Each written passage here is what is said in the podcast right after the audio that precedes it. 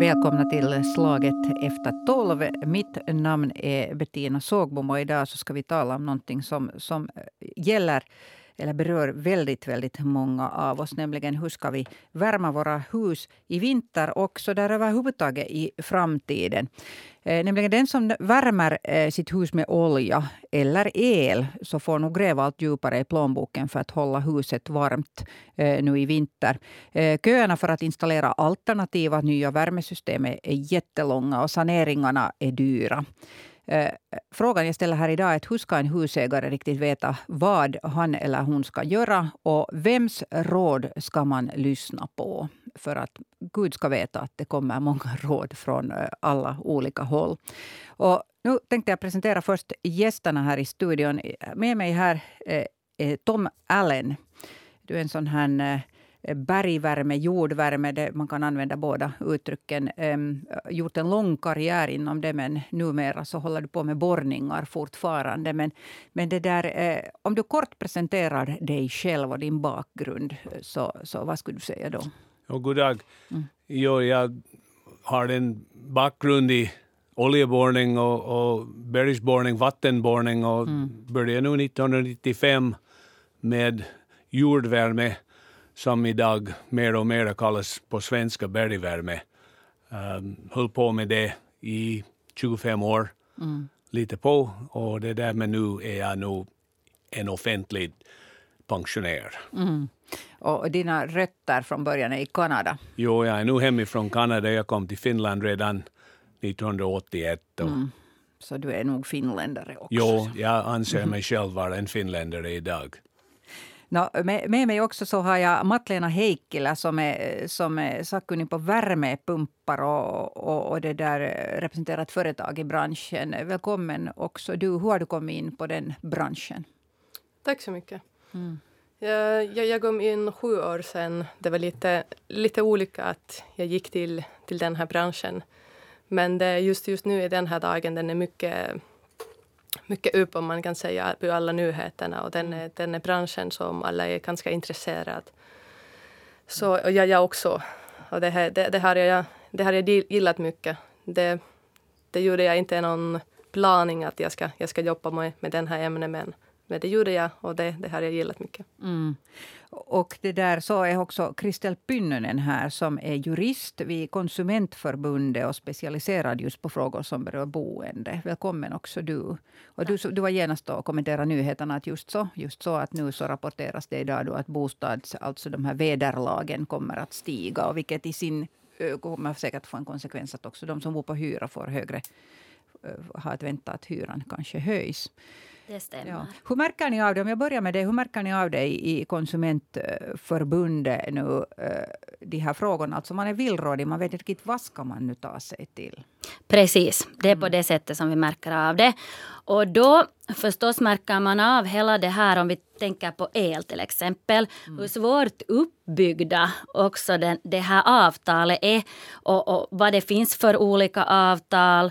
Och för tillfället så funderar man ju jättemycket också på att vad samhället ska ta sig till. Det är som om, om vi på något sätt säger det i ett nötskal så alla frågetecken som hör ihop med det här. Det är kanske det som vi märker mest. Det är så många frågetecken för tillfället att, att det är jättesvårt att göra något beslut i de här frågorna. Mm. Och, så, och, ingen vet precis exakt hur framtiden ser ut heller. Va, va, hur märker ni av den här um, krisen? Både, alltså nu talar vi både världspolitik, vi talar om kriget i, med, eh, som Ryssland startar mot Ukraina och, och, och, allt möjligt annat också, alla konsekvenser av det också. Hur märker ni av det i, i branschen med värmepumpar, Matlena?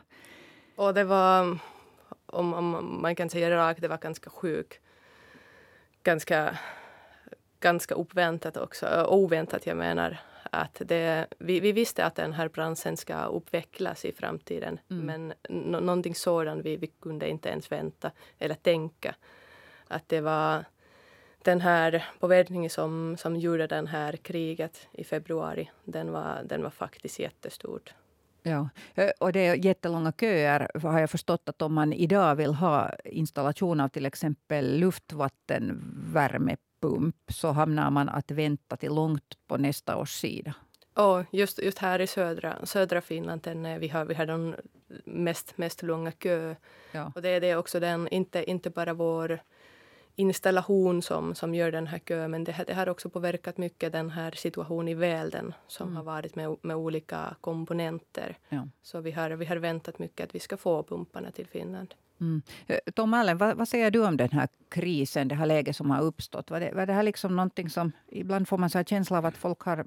Man har nu levt så länge det har gått så här och, och skjutit framåt sådana stora beslut som att till, till exempel bygga upp, om uppvärmningen för sitt egna hemshus. Nåja, för ett antal år sedan, jag skulle säga kanske en 10-12 år sedan, så var det en plan i Finland att, att vi ska bli av med de här jämna elpriser under året. Mm. Så att man ska nu alltid, vet du, måste ta den när på vintern när elpriset steg så då konsumenter ska också måste ta del, kanske inte 100 procent av den där prisskillnaden, men de ska märka att priserna stiger. Så att, just på vintern när man har den mesta vet du, behov av att värma och använda el i sitt hus med mera lampor på när det är mörkt ute, att då ska man märka den i sin plånbok. Det vänta lite, det här börjar kosta, nu ska jag börja hitta på någonting annat. Mm. Men vi gjorde inte, utan att det blev den här konstant, är det 15 cent per kilowattimme året ut sedan, så att det där, då påverkar det inte plånboken och, och människor sen kunde vet att ja, det är inte så farligt. Och det är alltid det här att när man har en kris så folk vaknar. Åh oh no, nu måste jag göra någonting. Och vissa vet du gör och vissa gör inte. Men efter sex månader så det är det no nya normala. Mm. Så att, att vi hade elpriser här nu sen för 25 år sedan när man började med det här så motsvarade ungefär 5-6 cent per kilowattimme. Mm. Och, och, när det for upp till 8 cent så det var en förskräcklig sak vet du. Men nu nu går de upp till 20 cent och vet vi kan vänta oss 30 och sådana. Man, man har hört om 50 cent på vintern. Så att det där och det, det, är ju inte bara alltså elektriciteten som, som rusar iväg, utan om vi nu tittar på hur mycket det finns hus ännu kvar som värms med, med typ olja. Oljan stiger också i pris otroligt mycket. Eh, vad, vad, vad, tänker du om det? Ja, no, mm. det, det, är lite samma sak. Men där har nu oljeuppvärmare alltid fått ta de här prisfluktuationer, att priser alltid stiger lite på vinter och på sommar, men de kunde gå att okej, okay, i, i augusti så fyller man sin stora tank och försöker klara sig igenom vintern utan att behöva köpa dyr olja. Men att, att det är också det här att, att en oljepansremont i Finland har kostat mellan 2 och 3 000 euro. Och när de sitter och funderar, okej, okay, om jag kan köpa en bergvärmesystem för 20 000 eller så köper jag en ny oljepanna för 3 000 euro. Så då tar jag det här, så har jag nog mycket pengar kvar att betala fast olja blir dyrare. Så att, att folk har nu tänkt med sina plånböcker i de här frågorna. Men, men är inte, vi människor sådana att vi tänker alltid med plånboken först på sådana saker. Ja, ty, tyvärr, det var det här jag tänkte säga. Mm. Att nu när jag har följt med just den här boende i Finland flera år så det är ju inte billigt att, att bo och bygga eller göra sådana renoveringar eller förändringar. Och jag tror att det beror mycket på det att det är många som har tänkt tidigare att vi borde göra det här. Och, men sen, sen har vi ju den här kanske problematiken att om vi tänker på ett egna hemshus kanske på någon ort varifrån många för tillfället flyttar bort och den här situationen att lönar det sig för mig att investera nu i det här huset? Hur ser framtiden ut? Det har funnits andra frågetecken kring det här varför de inte har gjort det tidigare. Och nu mitt i allt så står vi inför den här vintern och står inför sådana kostnader någon som är utan olja för tillfället till exempel och funderar att vad ska jag göra just nu? Ska jag ta nu till olja eller ska jag vänta? Eller måste jag kanske tänka redan att jag måste bo någon annanstans den här vintern? Att det finns ju faktiskt sådana som är i den situationen för tillfället. Du får sådana frågor alltså? Sådana frågor får man, ja. Mm. Att det är så dyrt, jag understryker det nu, det är så dyrt att man överväger på riktigt att bo någon annanstans på vintern. No, de lyfter ja. kanske upp det så här som en spekulation. Man är kanske inte helt enkelt beredd för det. Men man säger det lätt när man verkligen har en, en stor ångest inom sig som man förstår. Att hur ska jag klara den här räkningen när den kommer? Och funderar att vad ska jag då göra i den situationen? Mm. Det där, eh, Mattlena, känner du igen det här eh, resonemanget här? Att... Och det, det känner jag och underskriver också. Och att den är, den är just nu... Vi, vi, vi alla vet att den här uppvärmningsbranschen ska gå till den här direktionen att, att vi ska inte värma med fossiliska mm. sättet. Men att nu, nu är det bara den här situationen gör den att människorna kan inte välja eller vänta. Att de, de måste göra den här beslutningen så snabb. Och jag, jag, tror att det är den här problemet. De, de måste göra den här beslutningen därför att den, den andra sidan är den att, att mina pengarna ska inte räcka. Men måste man, måste man faktiskt göra ett sånt här jättehastigt beslut? Det är ju stora beslut. Vad, vad säger ni? Finns det råd att vänta, Tom Allen? No som vi har nu hört från Madeleine här ja, nu sen, ja. så har man nu en väntetid här på en sex sju månader, så ja. man hamnar nog till vänta och beroende. Men, men det är så här att, att man, kan inte, man väntar på installationen, men man får inte vänta med beslutet, för att jag tror att med den här situationen så kommer de här köerna att minska. Att desto mer och mer kommer folk till den slutsatsen att nu måste jag göra någonting. Och det där, vi har nog haft lite sådana situationer tidigare, 2012. Uh, det berodde på statsstöd för värmepumpar, ja. där det var också sex månaders, åtta månaders väntetid på, på värmepumpar i den tiden. Så. Men jag tror att, att om jag kan vara lite elak så kanske man borde ha lite fundera på möjligheterna tidigare att och, för det här är inte en, jag mean, med värmepumpar, det är inte någonting helt nytt. Att nu alla vet vad en värmepump är. Här för 25 år sedan så var det ganska mycket skepsis. Kan det här fungera? Inte fungerar det här? Nej, nej, nej. Hur kan det fungera? Men det, det, det är nu, alla vet att det fungerar. Det, det är inte att ta en stor risk när man installerar en värmepump. Den kommer nog att fungera. Så men den här, hur ska vi säga, den här klokheten i, i efterhand om vi säger som mm. så, så det gör det ju inte lättare för den här konsumenten att, att känna det här att jag borde ha gjort något tidigare och kanske funderat på det tidigare och så, så, så liksom den här lite ångesten av varför gjorde jag inte något, nu står man då liksom inför den här, den här situationen. Att det, det är just de nu som kanske behöver det här att hur ska jag ta mig ur nu den här när det för tillfället åtminstone inte ens går att, att göra det eller få något nytt system inför vintern vintern. Att där är just det här, det här jätteknepiga då för de här konsumenterna. Mm. Eh, och det är som jag sa här i början, att det, det haglar in råd från olika håll. Och det där, nu kanske den, den uppmärksamma lyssnaren har redan noterat att, att den där programledaren har säkert någon eh, eget problem. Och, och, jo, jag är, jag är en av dem som sitter med oljevärme. Och jo, jag är en av dem som borde ha gjort någonting för länge sedan. Och jo, jag är den som inte hade så mycket pengar då på banken att man skulle kunna göra det då. Man skulle måste låna och så tänkte, sköt man lite upp det och så sköt man lite upp det och så sköt man lite upp det. Eller räntorna är så låga nu, man kan vänta lite. No, nu är inte de lika låga mera. Jag vet, Tom Allen sitter och grimaserar här. Det är helt, jag, jag vet själv att det var korkat tänkt, men nu, nu sitter man där. Och nu är min fråga den att att det, där, det är ju klart att alla vill sälja någonting åt en som kostar mycket pengar i alla fall. Att kan man göra någonting som man kommer billigare undan, med till exempel med gammal oljevärme. Mm. Jag tror att när man gör en stor investering så, så och det är en stor investering, jag förstår nog sen den tankesättet att, att jag var nu med och pratade med tusentals kunder i tiden och gått igenom den här diskussionen. Men att, att det, man måste ha något slags tro på framtiden. Att att vartåt samhället är på gång. Och det där, om man tror att energipriserna kommer att stiga så ska man försöka minska kostnader för energi och, och då ska man välja en värmepump. Uh, man har en investering, men när du, när du köper den och så tar du ett lån på 10 eller 15 år och betalar bort den, um, kostnaden månadskostnaden för investeringen stiger inte. Okej, okay, räntan har lite stigit, men det är ännu väldigt marginell i den hela kostnaden sen som man tar för att man har satt en värmepump i sitt hus istället för olja. Och sedan om man räknar det, det gamla sättet var alltid 1 till 3, kanske det är 1 till 4 idag, att du köper en kilowatt el och du får ut 4 kilowatt timmar med, eh, med energi.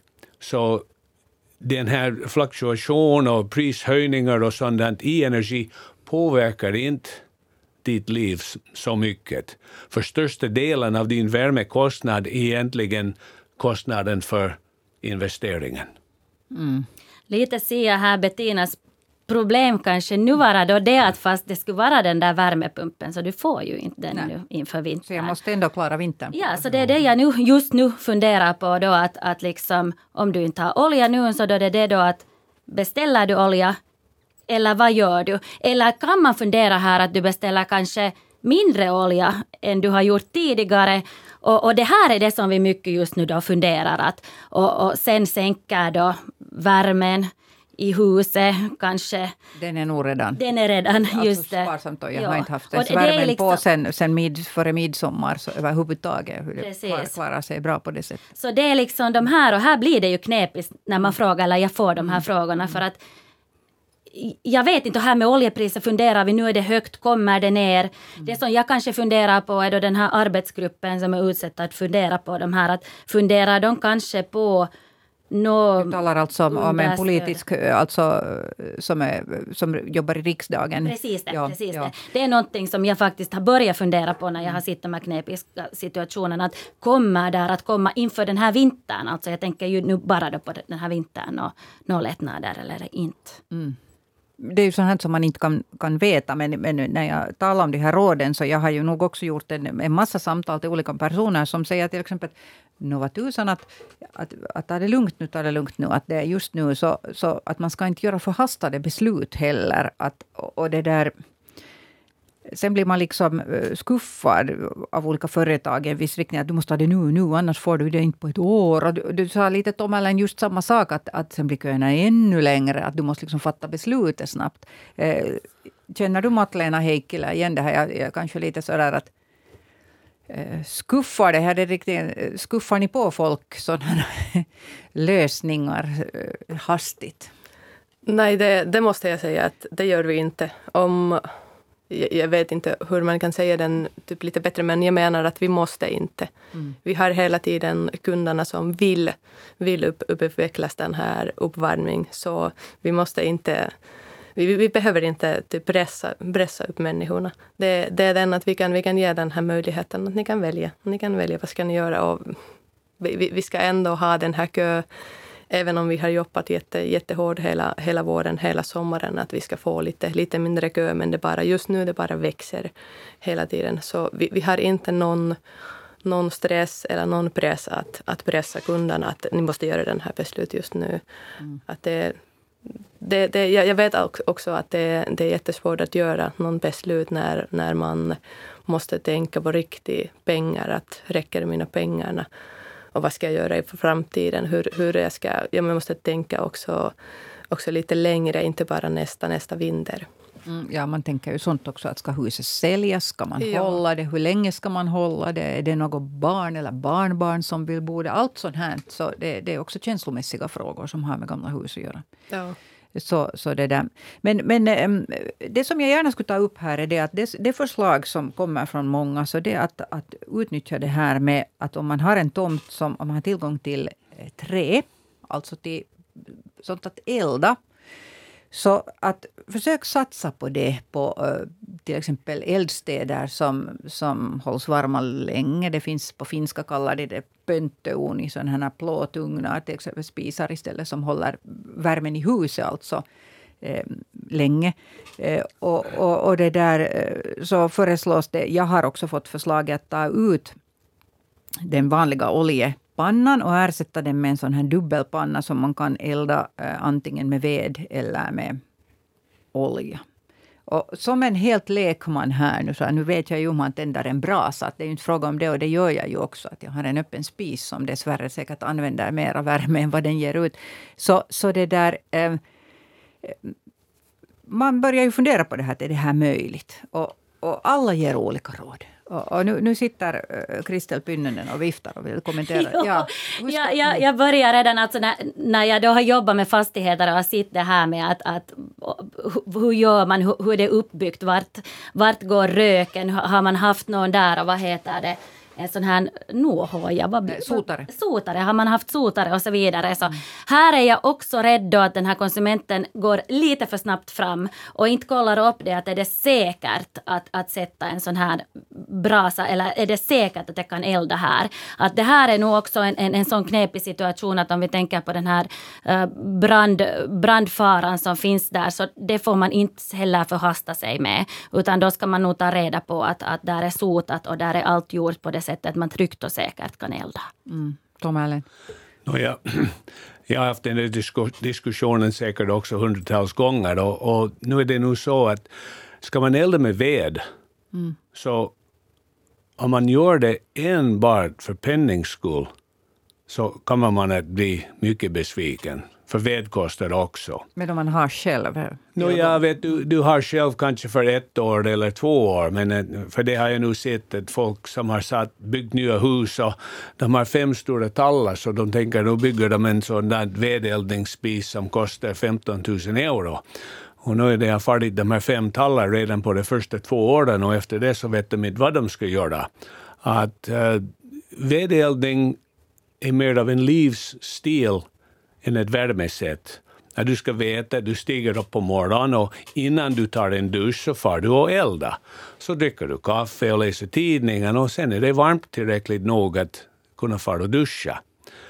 Det är nog, och sen när du kommer hem från arbetet så är huset bättre 14 grader och så börjar du elda igen och få upp det och så eldar du på kvällen. Att, att du kan inte resa iväg på vintern och, och sådana saker. Sen finns det här att, att... Det är just därför de talar om dubbelpanna, att du har möjlighet att använda olja till exempel om du är bortrest och sen mm. så switchar du på den här alltså det jag okay, säger... Jag ber... Ja, vad folk säger. Jo, men, ja. Och sen är det det här att, att egentligen den här vedeldning i ena egnahemshus är, det är inte fullständigt. Att det, där, det, det blir inte tillräckligt hett att verkligen bränna upp det som finns dit.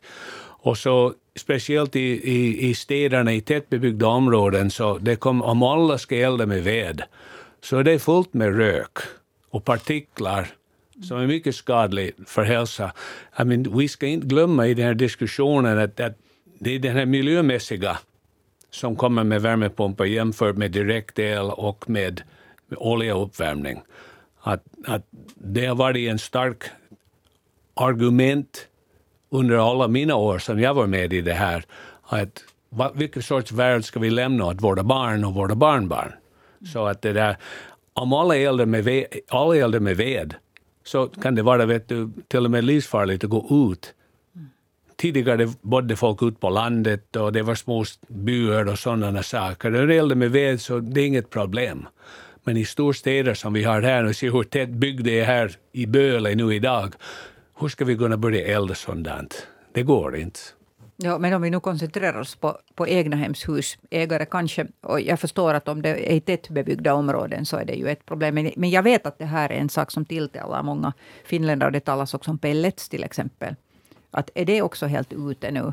Jag skulle säga som så att om vi tänker på den här kommande vintern så är det inte alls uteslutet. Alltså om man, om man har egen ved och man har möjlighet till det och bor i egna hemshus och bor ute på landet så, så kan det vara den här lösningen för, för den här vintern om man tänker på ekonomin. Men jag vill att om man tar den lösningen att man är tillräckligt insatt i den och utreder, utreder den här liksom tryggheten. Att det faktiskt är säkert det man gör. Att man inte ser mitt i allt står där med ett egnahemshus som har brunnit ner, om, om vi tänker som så, utan göra det tryggt. Och det är här som jag är kanske lite rädd för det här som, som du nämnde tidigare, alltså det här att, att kanske också de som säljer det ena och det andra kanske bli, blir lite, ska vi säga, påflugna. De, de ser kanske, det, det, finns ju de som är i så bra ställning att de har lång kö och inte behöver göra det, men så finns det andra som kanske försöker utnyttja den här ångesten som vissa konsumenter står inför och försöker ganska aktivt sälja eller någonting. Och här då förstås om du tänker på en sån här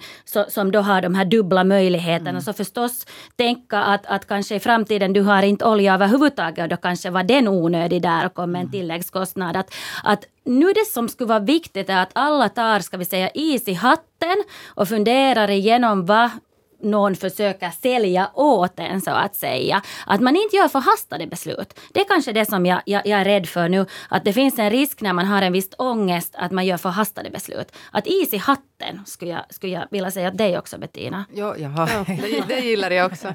Och det, det är den som jag, jag ville också säga att att um, man ska inte göra bara beslutningen nu när att man, man tänker bara nästa vinter som ska mm. komma. Att man, man tänker på riktigt framtiden. Man, man tänker eget hus. Att vad, vad vill man göra? Vill man bo där länge? Vill man sälja den?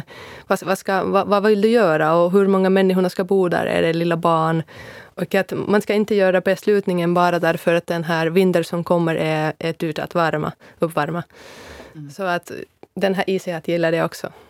Om vi tänker på en sån här energiinvestering som till exempel med en jordvärme. Sån här, det är ganska dyrt att, att göra på ett gammalt hus en, en, en sån här jordvärmesanering. Eh, eh, så eh, helt sådär matematiskt sett. De pengar man, säg att man lägger ut 35 000 euro på det. Jag vet inte om det räcker ens, men att om man gör det. Är det alls realistiskt att tänka sig att man får det i motsvarande grad tillbaka på alltså husets pris om man då säljer det, eller är det... Och, och, om man nu kan be om ärligt svar här, att vad tror du på riktigt, Tom? Well, jag, jag ska nu svara på ett annat fråga här ja, först. Varsågod. Eller mm. om du sätter den, du, du har ett hus mm -hmm. och större hus behöver större värmepumpar har större vet du, värmebehov, så de har större värmepumpsinstallationer. Och vi gjorde alltid att våra kunder beräkningar där okej, okay, du köper den här värmepumpen istället för att använda olja. Mm. Och så betalar du banken och så betalar du energipriset och istället för att betala olja. Och det var väldigt lätt matematik egentligen. Att du fick, oftast fick du betalt den här maskinen på mellan sju och tio år. Mm. Efter det så hade du en energipris, energikostnad som kunde vara en tredjedel eller en fjärdedel av det som du hade innan du började med det här. Men den här pumpen använder ju också el. Och ja, är den där en fjärdedel av det som det var tidigare. Den, det kostnaden för att bedriva värmepumpen var en tredjedel eller en fjärdedel av det som oljan kostade tidigare.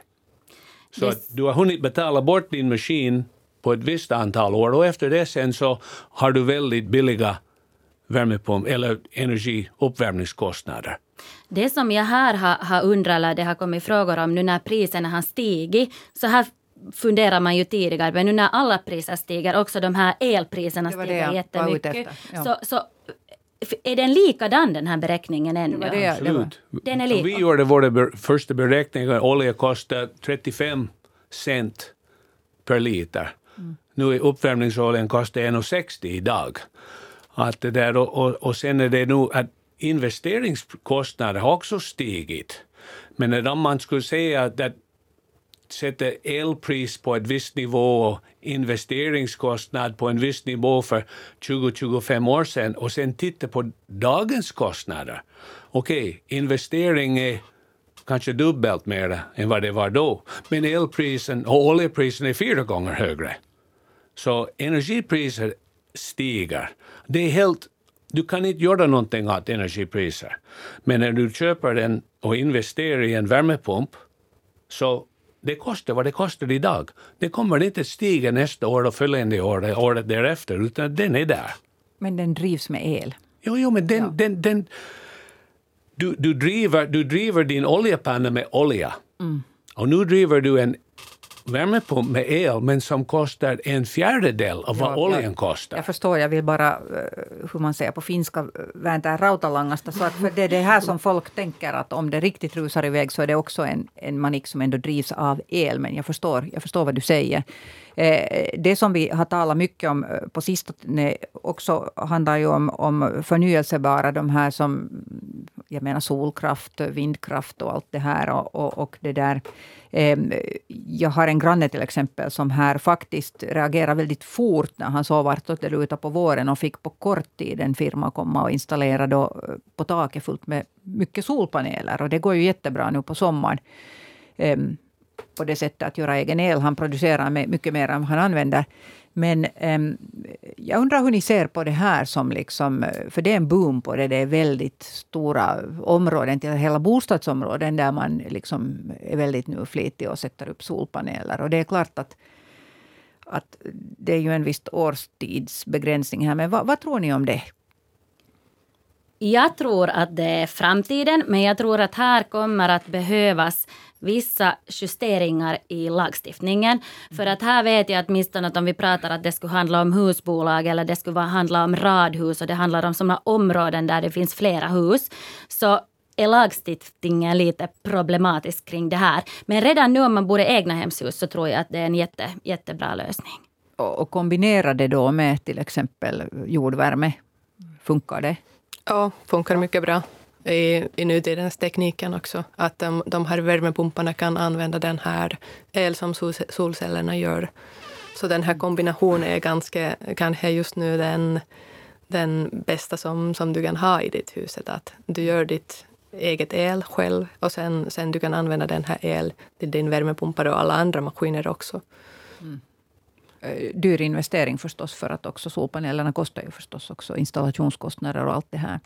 Eh, vad skulle du, jag fick här rådet att, att is i hatten och inte hossa, men vad, vad, skulle ni annars nu säga? Den som sitter, jag är säker på att det är någon som sitter eh, nu och tänker eh, och hör på er och är i precis samma situation som, som till exempel jag, eller också sådana som har värme med direkt, alltså el de har ju verkligt, verkligt besvärliga kostnader att, att se fram emot eh, inom en, en kort framtid. Så, så det där, vad skulle ni så där helt konkret ge för råd? Man börjar med Tom Nåja, jag har nu jag har alltid varit av den åsikten när man ska nu titta framåt och det där där man ser okej, okay, is i hatten och fundera på framtiden och dittan och dattan. Um, oljepriserna kommer inte ner. Det du kan du, sitta och fundera på det. Elpriserna kommer inte ner mera. Det är bara så som det är. Så att det där om att man kan säga is i hatten, okej, okay, gå ut nu och börja undersöka de här olika möjligheterna och hitta den rätta system som passar dig. Mm det är ganska mycket vet du sen, okej, okay, hur många barn du har i huset och sånt, så tycker jag nog inte påverkar så mycket. För att det där, husägaren kommer att ändras, folk växer upp. Idag har vi nu fem barn, men om tio år så är det inga hemma, vet du, mer. Vi är bara två stycken. Så att det, där, det är inte det, utan att du, du, du ska bara hitta ett system som passar bra åt dig Uh, kanske åt din plånbok också, men det, det är så här att desto mindre du investerar så kommer din framtida energikostnaden att vara högre. Där, där kom vi in på frågan som vi faktiskt glömde bort med dig tidigare. Jag ställde ja. den, men, men du, ja, just det Okej, okay, jag kan nu svara ja. den också. Att det där, nu är det nog så att många, vi har nu haft folk som har ringt åt oss tidigare och sagt hej, vi måste få en värmepump installerad här nu med samma. Mm. Aj, varför då? När vi ska sälja huset vet du, och kunden säger att han inte köper ett hus med gammal oljepanna. Mm. Är det ingen vill köpa ett hus med gammal oljepanna Eller, eller så köper de det för ett väldigt billigt pris. Och, ja, ja. Det är just det mm. där att, uh, att om man verkligen får sina pengar tillbaks det är kanske mer av en, vet du, var huset är belägen, vet du, är det långt ut på landet, så då är det folk som vill elda med ved, så att det är en stor värmepumpsinstallation är inte en lösning. Mm. Men mitt i stan, jag tror nog att det påverkar husets pris. Mm. Vad tänker du, Matt-Lena Heikkilä? Och nu, nu vi har pratat mycket om pris mm. och, och det gör man, man nu därför att energi kostar, kostar så mycket. Men att, men att det, det är också den att vi, vi, ska ändå gå till den här punkten att, att vi ska inte värma mer med olja, mm. med, med, med ved. Det är, bara sådan. Det, det, Okej, okay, jag pratar på sådant sätt också därför att jag, jag jobbar på branschen som säljer pumparna. Men att på sådant sätt, sådan framtiden vi, vi ska gå. Vi, vi, ska inte varma med, med oljan i 20 år. Det, det, Det är bara sant. Så det, det grejen är den att, mm, och det, det, jag sa det i Sihat, att man ska inte ha någon panik. Man ska inte bara tänka pengar, men att den här lösningen ska ändå komma. Att vi, vi måste tänka att hur ska vi, hur ska vi uppvärma huset? Hur, hur ska vi göra? Hur, vilken typ, vilken hus vi ska, vi ska lämna till vår barn, till, till de, deras barn. Så det, det, det, är också den att om, om du vill sälja hus eller om du vill bo i ett hus, olja eller, eller ved är kanske inte den här bästa lösningen just nu, om jag är ärlig. Jag säger som så att de som är i Bettinas situation så behöver en långsiktig plan och en kortsiktig plan. Det behövs personligt. Det, här. det var mitt eget fel. Ja, ja. Du behöver en plan som du ser just framåt och, och, då vet vi att de kommer att stiga på lång sikt också, de här priserna. Och då fundera att vad är fiffigt att göra med den här långsiktiga planen och, och gå in för det. Men du kommer kanske inte att få det att förverkligas före den här vintern. Så Nej. då kvar står den här vintern som ett problem. Jag har också funderat på, det är det som många då säger, att, att vad kostar det att installera en kamin som skulle Precis. lite hjälpa att hålla liksom. Om du har så mycket ved att det räcker till en jo. vinter. Att, så jag skulle säga ja. som så att där behöver man det att man förstår för tillfället att ja, de går upp på lång sikt. Men det som vi står inför, det som vi är jätterädda inför nu den här hösten och vintern, så det är ju den här, den här prishöjningen eh, som ändå inte kommer att bli den i slutet, utan den kommer ju i något skede att komma ändå därifrån lite ner. Så att nu har den här, tänka på den här kortsiktiga, hur klarar vintern, kanske en billigare kamin eller något sånt och sen hålla i bakhuvudet den här lång, långsiktiga planen. Mm. Tack för de orden. Det var lite tröstande här på slutet att tänka också på den här vintern för att, att det känns ju lite tröstlöst kanske att fundera att jaha, att jag vaknar för sent eget fel. Så, så är det, och jag är knappast den enda som har gjort det. Eh, eh Matlena Heikkilä från, eh, från ett företag som då eh, säljer eh, olika värmepumpar eh, medverkar här idag. Kristel eh, Pynnönen var det som vi hörde här sist från Konsumentförbundet, jurist där, expert på boendefrågor. Och Tom Allen eh, med rötter i Kanada och en sån här eh, jord eller bergvärmeguru egentligen här i Finland. Jag har hört det första gången på radio här säkert för 28 år sedan när du började med det här. Och prata om det här energi systemen. Eh, tack för att ni medverkar här idag. Mitt namn är Bettina Sågbom och som vanligt så ni får gärna höra av er. Jag tror att det här är sånt som väcker väldigt mycket intresse. Så eh, skriv till slaget at yle.fi era synpunkter och tankar kring det här ämnet som vi har avhandlat här idag. Och slag efter tolv är tillbaka imorgon samma tid, samma kanal.